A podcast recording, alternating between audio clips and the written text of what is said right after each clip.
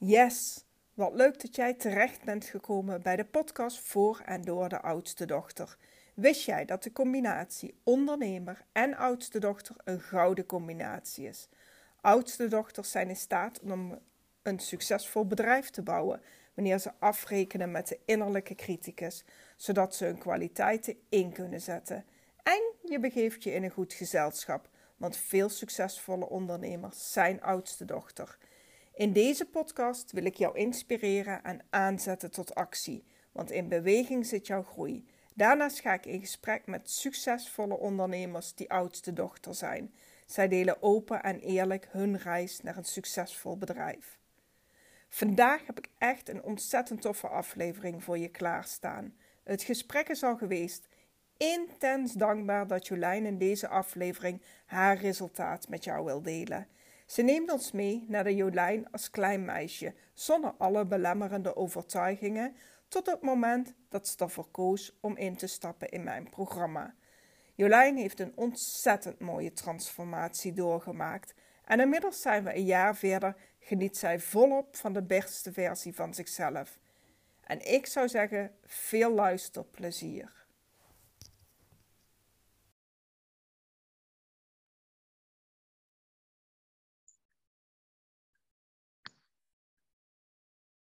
Yes, superleuk. Vandaag hebben we Jolijn in de podcast. Jolijn is een oud klant van mij en ik vind het superleuk dat jij me te gast bent in deze podcast en uh, jouw verhaal wil delen. Superleuk. Dank je wel dat jij er bent. Yes. en uh, we gaan geen hele lange introductie doen over wie is Jolijn, want eigenlijk gaandeweg de podcast leren uh, de luisteraars jou wel kennen. Oké. En eerste vraag eigenlijk, Jolijn. Kan je ons iets vertellen over het gezin van herkomst? Waar kom jij vandaan? Yes. Um, ik kom uit best wel een hecht en beschermend gezin. Uh, vader, moeder en uh, twee broers en de oudste thuis. Uh, er zit niet super veel leeftijdsverschil tussen. mijn middelste broertje en ik schelen een dikke anderhalf jaar. En met de jongste scheel ik ongeveer vier, vier en een half jaar. Um, nou, zoals ik al zei, is het een, uh, een heel fijn, warm en hecht gezin altijd geweest. Ja. En dus oudste dochter, hè? Yes, zeker. hey, wie was Jolijn als klein meisje? Wat vond je leuk? Wat deed mm -hmm. jij? Als meisje was best wel een meisje. Ik was echt wel een meisje meisje. dus uh, lekker met de poppen spelen, heel veel met de Barbie spelen. Uh, creatief buiten, lekker uh, ravotten met mijn broertjes. Ik was veel buiten, graag buiten. Um, maar um, als ik kijk naar uh, eigenlijk al vanaf de basisschoolleeftijd ook wel echt een strever. Ja. altijd gaan voor het allerbeste, altijd zorgen voor een ander. ja, het klassieke oudste ja. dokter heb ik geleerd ja, in het traject. Dat al die kenmerken helemaal passend zijn bij mij. Ja. Um, ja, dus uh, eigenlijk daarin uh, altijd jezelf op nummer 2 zetten en de ander op nummer 1. En altijd maar gewoon zorgen dat iedereen het leuk heeft. Dat vond ik blijkbaar heel erg belangrijk. Mooi. Hey, en als je dan zeg maar naar de puberteit gaat, wat gebeurde mm -hmm. daar, zeg maar, van die schoolleeftijd naar de puberteit? Ja, nou, ik denk dat ik vanaf dat moment al merkte dat dat uh, mezelf ook wel ging tegenwerken. Dat ik daar af en toe echt wel last van had natuurlijk heb je puberteit en uh, ja, je bent onzeker, want ja, dat is als je puber bent. Um, en als je dan ook nog eens diegene bent die altijd maar voor die ander aan het werken is. En altijd de beste van de klas wil zijn, terwijl dat onmogelijk is. En altijd met zulke dingen bezig is. Ja, daar heb je zelf gewoon enorm veel last van. En dat heeft, als ik uh, daarop terugkijk, ook met tijden echt als een tol geëist. Mm. Hè? Dat je gewoon minder lekker in je vel zit. Of um, ja, dat ik toen wel merkte dat ik uh, sneller emotioneel was als andere mensen, minder goed met tegenslagen kon, kon gaan. Ja, dat eigenlijk wel. Ja. Heb jij toen dat tijd zeg maar wel eens actie ondernomen? Dus gezocht van, hey, weet je, hoe kan ik hier het beste mee omgaan? Uh, boeken mm -hmm. of op internet of hulp? Ja, in de puberteit uh, nog niet echt. Niet dat ik me in ieder geval kan herinneren. Um, maar zo eind tienerjaren, begin twintig, dus meer de adolescentie, leeftijd. eh, ja, toen wel. Toen had ik daar ook zeker interesse in. Ik vond zelfontwikkeling en reflectie vond ik ontzettend interessant. En dat vond ik ook heel belangrijk. Het is altijd wel hoog bij mij staan. Dus ik wist best goed wie ik was, waar ik goed in was en waar ik minder goed in was. Mhm. Ehm, en daar was ik me ook wel bewust van en daar was ik ook wel bewust mee bezig. Dus bijvoorbeeld dat ik meer ging wandelen. Eh, ik heb wel eens meditatie geprobeerd, yoga, ehm, mindfulness. Eh, inderdaad, van die boeken lezen, documentaires, kijken, podcast luisteren, dat soort dingen. Ehm, maar het had nooit echt heel erg veel zin. Het deed natuurlijk wel wat, want hè, lekker buiten Ja. bezig zijn is sowieso goed voor ieder mens. Dus ook voor mij. Maar die patronen die, waar ik echt tegenaan liep, waar ik echt last van had, die kreeg ik daarmee gewoon niet doorbroken. Dat lukte gewoon niet. Nee, Ja. precies. Daar komen we dadelijk nog op terug. Hey, Mhm. je bent in die puberteit, middelbare school. Je moet een keuze maken qua opleiding. Mhm. Ehm, waar koos jij voor? Mm, En wist jij direct wat je wilde gaan doen? Of was dat ook nog wel een dilemma? Nou, ik wist eigenlijk al vanaf de basisschool dat ik heel graag eh, lerares wilde worden op basisschool. Dus op het moment dat ik dus ook eh, van de basisschool ging naar eh, de HAVO-kansklas. En toen ben ik eh, vanuit de brugklas doorgegaan naar de HAVO. Want ik wilde per se naar de PABO. Hè? Dat was het doel. Dat moest ik halen. Nou, en helaas lukte dat niet. En toen ben ik dus van de HAVO terug naar het VMBO gegaan. Maar toen was het nog steeds, ik wil naar die PABO. Dat, dat, ja, dat moest Mhm. en zou gebeuren. Maar goed, toen eerst naar het MBO, eh, onderwijsassistenten gedaan. En echt na een jaar kwam ik erachter dat dat hem toch helemaal niet was. Hetgeen wat ik altijd zo graag wilde. Maar goed. en toen ben ik, ehm, heb ik wat snuffelstages gedaan. Heb her en der wat meegekeken. En toen ben ik eh, opleiding wel in de zorg gaan doen. Dus eh, maatschappelijke zorg, specifieke doelgroepen. Ja, dus de zorgkant kwam meteen naar boven. Ja, precies. Past Ja. goed bij die oudste dochter. Precies dat, ja. En toen, ehm, nou ja, goed, op een gegeven moment kom je in de fase van werk. Mhm. Hoe, waar rolde je in? Waar kwam je terecht? Eh, mijn eerste stages gaan doen op het MBO. En toen ben ik dus alsnog een HBO-studie gaan doen. Want eh, ik was ook gewoon nog niet klaar met studeren. Ik was pas eh 20, 21. Ik wilde nog wel lekker door. Dus toen ben ik HBO gaan doen en eh, weer wat stages gedaan. En nu werk ik sinds, ik denk nou twee, drie jaar. Ja, in de hulpverlening als ambulant begeleider. En daar ben ik eigenlijk ingerold omdat ik zowel op het MBO als op het HBO stage heb gelopen bij de organisatie waar ik nu werk. En mijn afstuderen gedaan, dus toen kon ik eh, lekker blijven plakken. Dus dat is ideaal. Mooi, mooi. Ja. Hey Jolijn, en je vertelde net al een beetje, weet je, in die in eindpuberteit, daar begon het al een beetje. Hè? Je was een Mhm. strebertje, je liep tegen bepaalde patronen aan.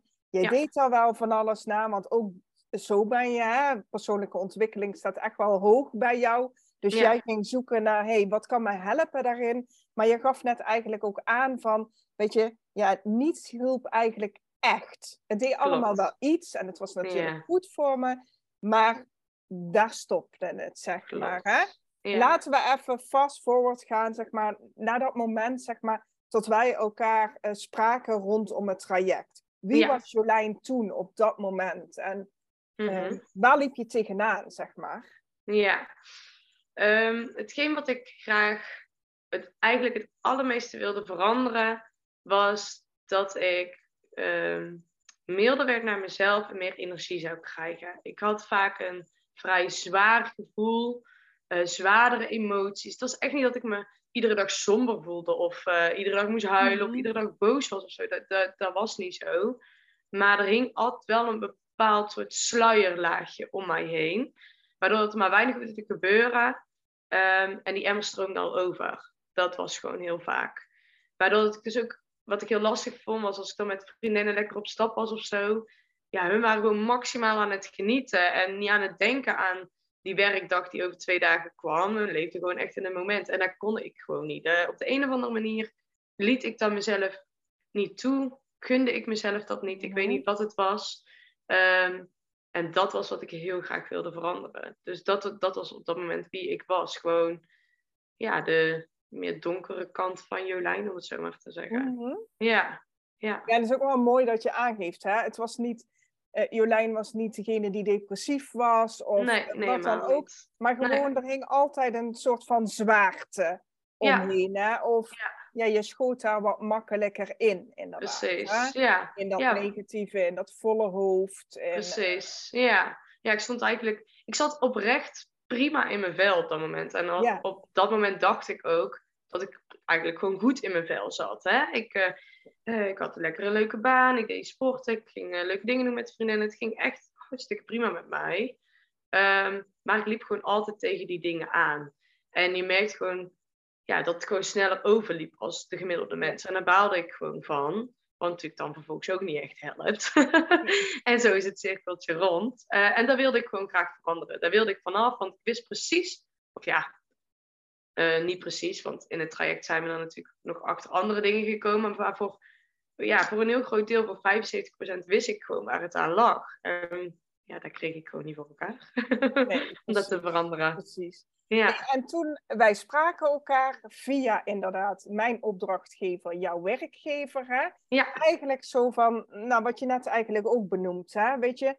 Eh, eh, ja, je had de neiging om wat sneller over te lopen. Hè? Ja. Ik zei ook wel eens van, ja, die rode loper voor die burn-out lag eigenlijk al Ja, uit. Hè? ja zeker. Ehm, je was daar helemaal niet. Maar Nee, nee, wat je zegt, nee, hè, je best wel oké in je vel. Maar Ja. die rode loper, die lag daar wel altijd. ja, zeker weten. Ja, absoluut. Eh, nou ja, goed. In eerste instantie was de vraag om met jou gewoon met coaching aan de slag te gaan. Totdat ik tegen jou zei, ja Jolijn, laat ik open kaart spelen. Weet je, ik zie echt wel eh mogen, weet je, ja goed, weet je, ik zag het al helemaal voor je. Als jij in dit traject zou stappen, wat het je op zou leveren. En ik Ja. wilde daarin open kaart spelen naar jou. Ja, Ehm, dat gesprek hebben wij gehad. Hoe was dat voor jou? Wat dacht jij of welke twijfels had je? ja. Nou, het grappige was, eh, wij hadden inderdaad dat gesprek samen gehad. En ik deed mijn laptop dicht. En toen dacht ik, ja, dit is het. Ik voelde aan iedere vezel in mijn lijf schreeuwde... Jolijn, jij moet dit doen. Doe dit. Dit gaat jou echt helpen. Ik, op de een of andere manier had ik dat overheersende gevoel gewoon. En dat gaf natuurlijk al heel veel ruimte. En licht, ja, daar ging dan al lekker stromen. Ehm, dus daarover had ik echt 0,0 twijfel. Ondanks dat het een vrij vaag verhaal is. Hè? Ja, bedoel, ja, ja. dat was het gewoon. Ehm, en het enige wat me tegenhield op dat moment, waarover dat ik in ieder geval, het heeft me niet tegengehouden, maar waarover dat ik wel even moest nadenken, was ja, het financiële plaatje. Ja. Ehm, want eh, ja, ik ben nog, eh, ik was toen 27, nog niet zo lang aan het werk, weet je. Speelde van alles in mijn leven wat ook geld, wat ook geld kost. Ja, ja. en ehm, ja, dat vond ik, vond ik wel lastig. Maar toen heb ik eh, eh, het eh, met mijn moeder besproken. En die zei, ja, weet je, als je het wil doen, moet je het gewoon doen. En met mijn, vriend, met mijn destijds vriend, zo moet ik het zeggen, heb ik het besproken. En die stond er ook achter. En goed, toevallig kende ik een oud klant van jou. En die heb ik toen gebeld, want zij had het traject al afgerond, een paar maanden. En toen heb ik aan haar nog wat vragen gesteld. Even van, ja, haar ervaring en zo. En ja, en toen was ik om. Toen dacht ik, ja, ga het doen. Eigenlijk zeg je al, je was al om en je voelde inderdaad in alles van je, hey, dit is het Ja. traject wat ik moet doen. Als je nu zeg maar, hè, die Jolijn van voor het traject, hè, die zo twijfelde over die investering, als je daar nu iets tegen zou moeten zeggen, wat zou je dan doen? Wat zou je dan zeggen? Stel niet aan, gewoon doen. dat. Weet je, tuurlijk, het is een investering, maar als je kijkt eh, op je hele mensleven, ik hoop dat ik 80 mag worden, ja, dan is het Of peanuts. nog ouder? Of nog ouder.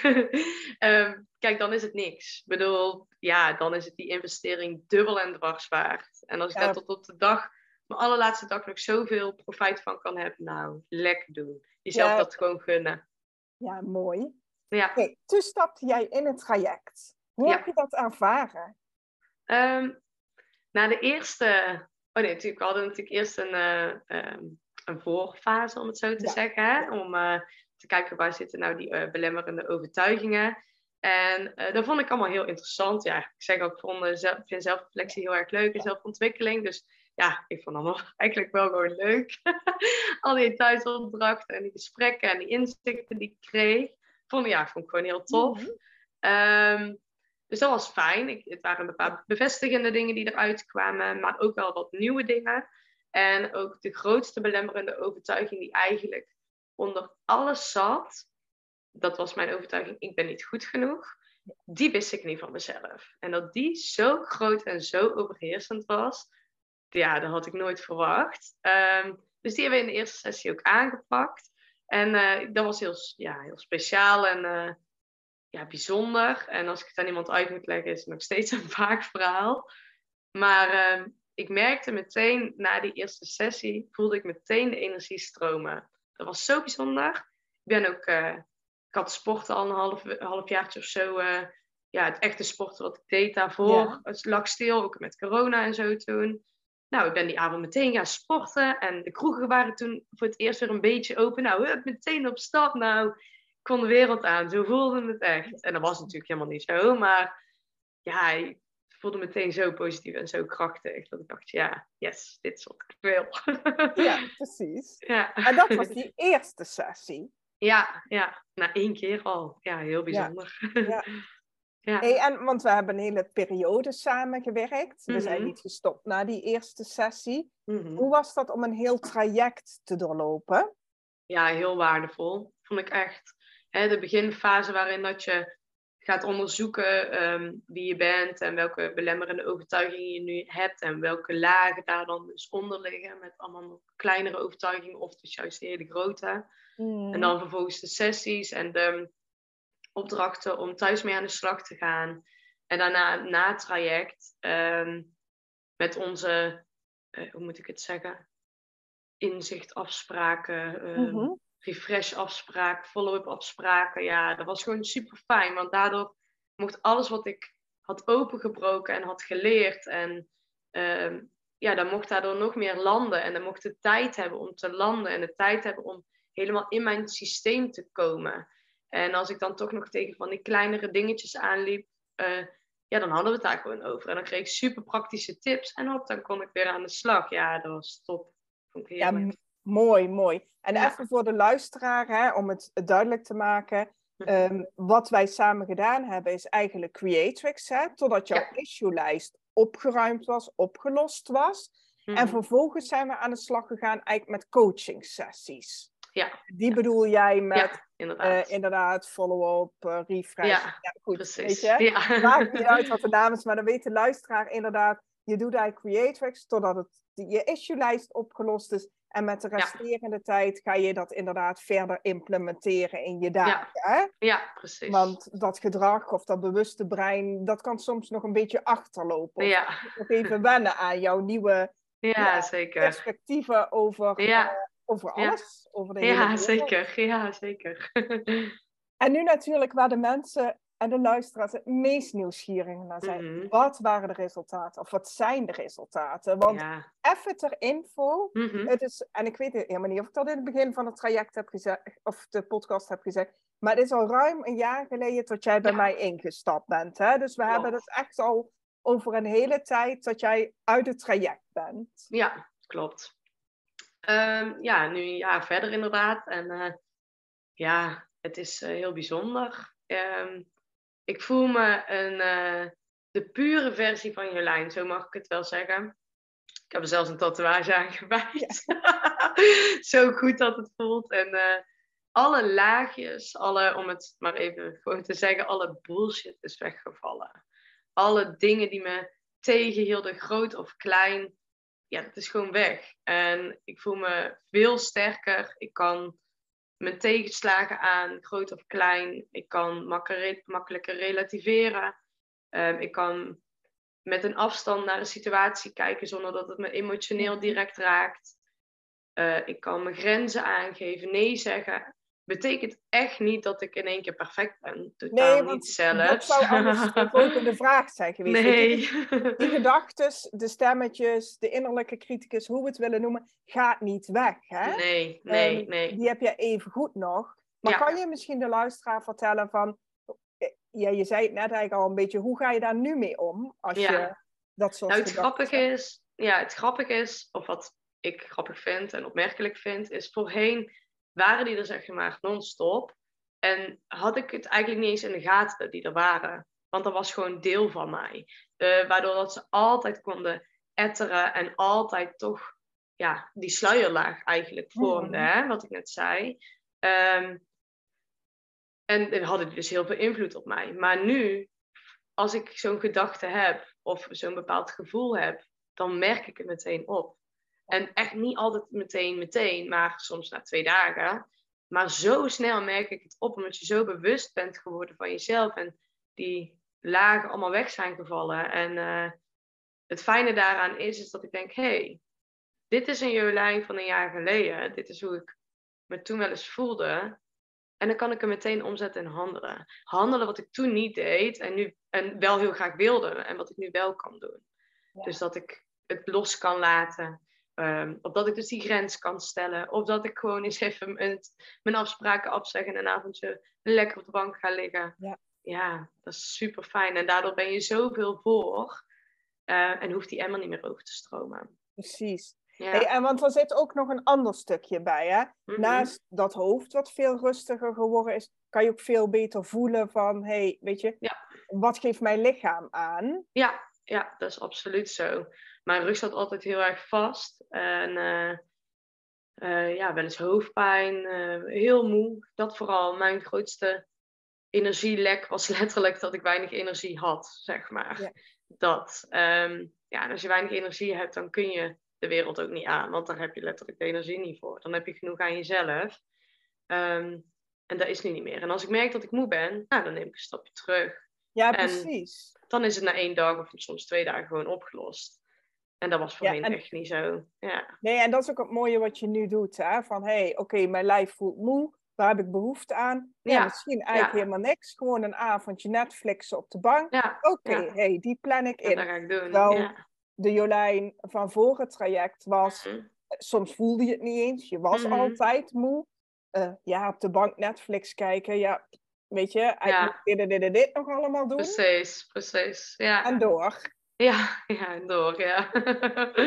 ja of wel op die bank terechtkomen, maar totaal uitgeput eigenlijk. Ja, ja dan was je al veel te laat, inderdaad. Precies. Ja, dat absoluut. was dan ook niet helpend. Nee, nee, daar had je dan niks meer aan, inderdaad hey, als er luisteraars zijn en uh, die hebben zoiets van, nou weet je, ik vind dit wel uh, rete interessant. Uh, mm -hmm. Wat zou je tegen hun willen zeggen? Ja, gun het jezelf. Dat is echt hetgeen wat ik zou zeggen. Um, als ik kijk naar mezelf, heb ik het mezelf eh, heel lang niet gegund. Op de een of andere manier gunde ik het mezelf niet om plezier te maken, om dat lichte gevoel te hebben, om die bergen energie te hebben. Ja, sloeg, sloeg nergens op, maar dat was gewoon zo. En uh, ik kan me voorstellen dat degene die nu luistert dat misschien ook wel heeft. Mhm. Om wat voor reden dan ook, hè, want iedereen heeft zijn eigen leven. Maar uh, gun het jezelf om jezelf te ontwikkelen. Gun het jezelf om gewoon de beste versie van jezelf te worden. Dat eigenlijk. Ja, precies. Ja. Mooi. Ja. hey, en nou ja, goed. Ook nog een vraag.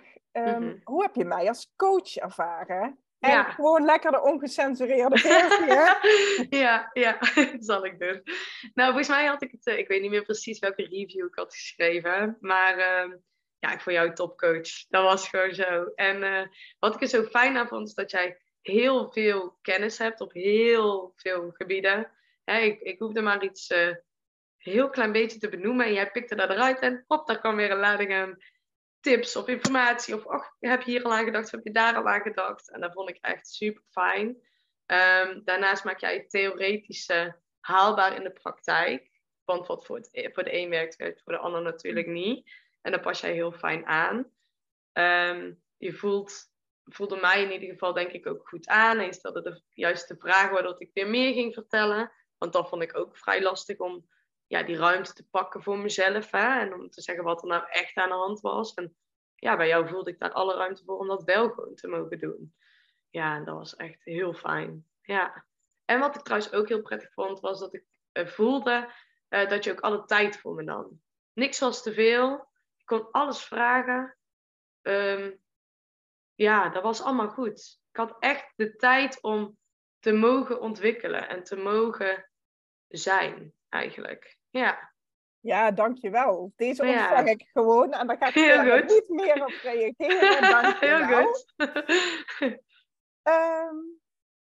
Eén ehm, vraag die schiet me nu te binnen. Want jij geeft mij een heel mooi compliment, hè? Maar voor mij was jij ook wel de ideale leerling in het, in het traject, hè? Mhm. Ehm, kan je nog heel even vertellen, hoe zat jij daarin, zeg maar, Ja. in het traject? Want, Ja. ehm, ja goed, ik moet niet invullen voor jou, maar je had een bepaalde Mhm, ik snap wat je bedoelt. nieuwsgierigheid. Ja. Je, Creatrix is, nou waar ik eigenlijk ook naartoe wil, inderdaad. Creatrix is echt, ik ben fan van die methode. Hè? Ik wil dat van de daken schreeuwen. Dat doe ik via Mm. Ja. mijn podcast. En, ehm, maar het is geen toverstokje, zeg maar. nee, nee. Dus zeg maar, ja, wat deed jij?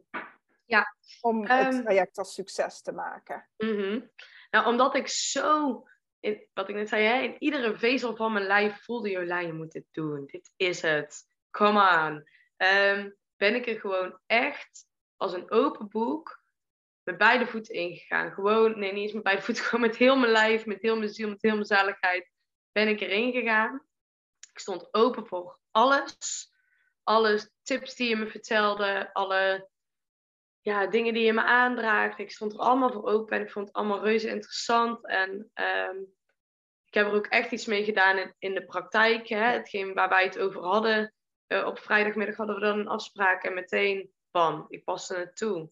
En ehm, om dat haalbaar te maken voor mezelf, zat ik altijd heel braaf met mijn schriftje en mijn pen. En ik heb hem hier langs liggen Ja. en eh, schreef ik alles lekker mee. En eh, ja, dat maakte wel dat ik gewoon ook het naderhand even lekker terug kon lezen. Hè? En dan, eh, oh ja, dat zei ze. Oh ja, dat hadden we afgesproken. En zelfs tot de dag van vandaag kan ik het nog teruglezen. Als ik dan Mhm. toch ergens vastloop of gewoon een balenweek heb of er is iets gebeurd. Want ja, er gebeurt altijd wel iets. Mhm. Ja, en dan heb ik daar nog steeds iets aan, zeg maar. Ja. En de, ehm, ja, de opdrachten dan, hè, om eh, mee aan de slag te gaan, gewoon heel serieus nemen. En eh, ja, gewoon 100% geven. Ja, Ja. dat eigenlijk. Ja, mooie Ja. afsluiter. 100% commitment. Ja, zeker. En dan krijg je dus ook een supermooi resultaat. Absoluut. Hey, we naderen een beetje het einde van de podcast. En ik heb ondertussen heel veel vragen al aan je gesteld. Hè? Mhm. Eh, je hebt echt ja, zo fijn, open, eerlijk, kwetsbaar ben je geweest. Eh, Mhm. Ik denk dat de luisteraar een heel mooi zicht krijgt van het traject. Hè? Zeg maar. Zelfs van waar is Jolijn geboren tot wie ben je nu, zeg maar. Ja. Ehm, ik heb nog twee vragen. Mhm. Als je naar de toekomst kijkt, ja. weet je, heb je nog plannen, eh, dromen, wensen waarvan je denkt, oh ja, weet je, nu zie ik Mhm. dat wel voor mogelijk. Mm, ja, altijd wel aan het dromen en aan het nadenken over dingen. Maar ik moet zeggen, op dit moment niet echt gewoon concrete dingen. Mhm. Maar ik denk, nu dat ik dat zo uitspreek, denk ik dat dat ook komt omdat ik gewoon meer in het moment kan genieten. Ja. Dus waarin dat ik voorheen echt veel meer aan het nadenken was, oh daar wil ik heen, of daar wil ik naartoe, of dat doel wil ik behalen, of die carrière wil ik nog in, of dat weet je wel. Ja. Ja, da- da- dan voel ik eigenlijk minder die druk, omdat het leven gewoon mooi is en je nu moet genieten. En dan merk je, dan komen de dingen vanzelf. Zo heb ik een super fijne nieuwe relatie en ja, kan uren over die man praten. en ehm, ja, ik denk dat ik dat onder andere te danken aan heb aan het traject dat ik in ben gegaan. Want doordat ik de beste versie ben geworden van mezelf, gebeurde onze relatie en kon dat tot stand komen en hebben we het zo fijn. Ehm, maar daar geniet ik vooral van. En ik denk dat de toekomst heel veel mooie dingen gaat brengen, zolang dat ik, me, dat ik maar bewust blijf leven, dicht bij mezelf blijf, dicht bij de versie blijf die ik nu ben, want die ben ik gewoon heel graag. Ehm, en dat als basis hou, dan komt het wel goed. Ja. Ja. wat een mooi antwoord. Want ik weet nog inderdaad, zeg maar helemaal in het begin, toen was het nog van, oh ja, weet je, eigenlijk wil ik gaan reizen. En weet je, Ja. die onrust van, wil ik hier Ja, wel in Nederland zijn? En ja, kwam ook nog, dat was in de periode corona, dus het kwam Mhm. ook nog overheen, zeg maar, waardoor Ja. het voor jou nog lastiger werd. En nu hoor ik gewoon, want ik heb jou natuurlijk een tijd ook niet meer op deze manier Mhm. gesproken. Nu hoor ik jou zeggen van, oh weet je, nee, hier, nu, genieten. ja, ja, Dat is precies. vooral belangrijk. Precies, En die ja. toekomst heeft vast hele mooie dingen in het verschiet. Zeker, maar dat zeker. zien we wel. Ja, ja. Ja, en natuurlijk, natuurlijk heb hè, ik wil nog steeds vakantie. Als ik nu naar buiten kijk, is het grijs en regenachtig. Ja. en wil ik gewoon in Cuba op het strand zitten. Maar het is niet meer dat ik die, inderdaad die onrust wat jij zegt, die voel ik totaal niet meer. En al ga ik nooit naar Cuba, ook prima. Al ga ik volgende week naar Cuba, ook goed. Weet je wel, dat. En dat uh, voelt wel heel lekker. Ja. Mooi. Hey Jolijn, is er nog iets waarvan je zegt, nou dat hebben we niet uh, besproken, dat wil ik nog toevoegen, dat wil ik nog zeggen, want anders gaan we de podcast afsluiten. Ja, ik heb misschien nog wel een leuke afsluiter daarin dan. Um, wat ik zelf heel bijzonder vind en wat echt heel opvallend is ook, is dat ik het niet alleen zelf merk, maar ook echt oh. mijn omgeving. Ja, dat is zo bijzonder. Ik heb het gehoord in mijn functioneringsgesprek op het werk. Ik hoor het van vrienden, van familie, van kennissen. Ik krijg echt super mooie complimenten. Mensen die niet eens weten dat ik dit traject heb gedaan. Hè? Maar mensen die dan gewoon zeggen van... Oh, wat zie je er goed uit. Of je straalt. Wat heb je, wat heb je veel energie. Of dat soort mooie complimenten komen allemaal mijn kant in. En dat is wel... Uh, ja, dat is super gaaf natuurlijk. Maar dat, ja, dat zijn niet zomaar complimenten. Die passen gewoon volledig bij ook hoe ik me voel. Dus ja, ja, dat, is, ja, dat wilde ik nog graag toevoegen. Dat dus is dat een mensen hele waardevolle toevoeging, zeg maar. Ja, ja. Ik aan had gedacht om die vraag te stellen. dus uh, mooi dat jij hem aanhaalt. Dan gaan we bij deze de podcast afsluiten. Yes. Dankjewel Jolijn voor jouw input in deze podcast. Heel graag gedaan. Dankjewel. Yes. Doei doei. Doeg. Wat leuk dat jij deze aflevering tot het einde hebt geluisterd. Jolijn heeft zo mooi beschreven hoe het is om een traject bij mij te doorlopen en welke mooie transformatie je kan realiseren in die tijd dat we samenwerken. En zoals ik altijd zeg, eerst jij, dan je bedrijf. Ben jij naar aanleiding van deze podcast nieuwsgierig geworden? Neem dan contact met me op door een call bij me in te plannen. Dan zoomen we in op jouw situatie en wat het resultaat voor jou kan zijn als we samen gaan werken. En de link vind je onder in de show notes. En wie weet, tot snel.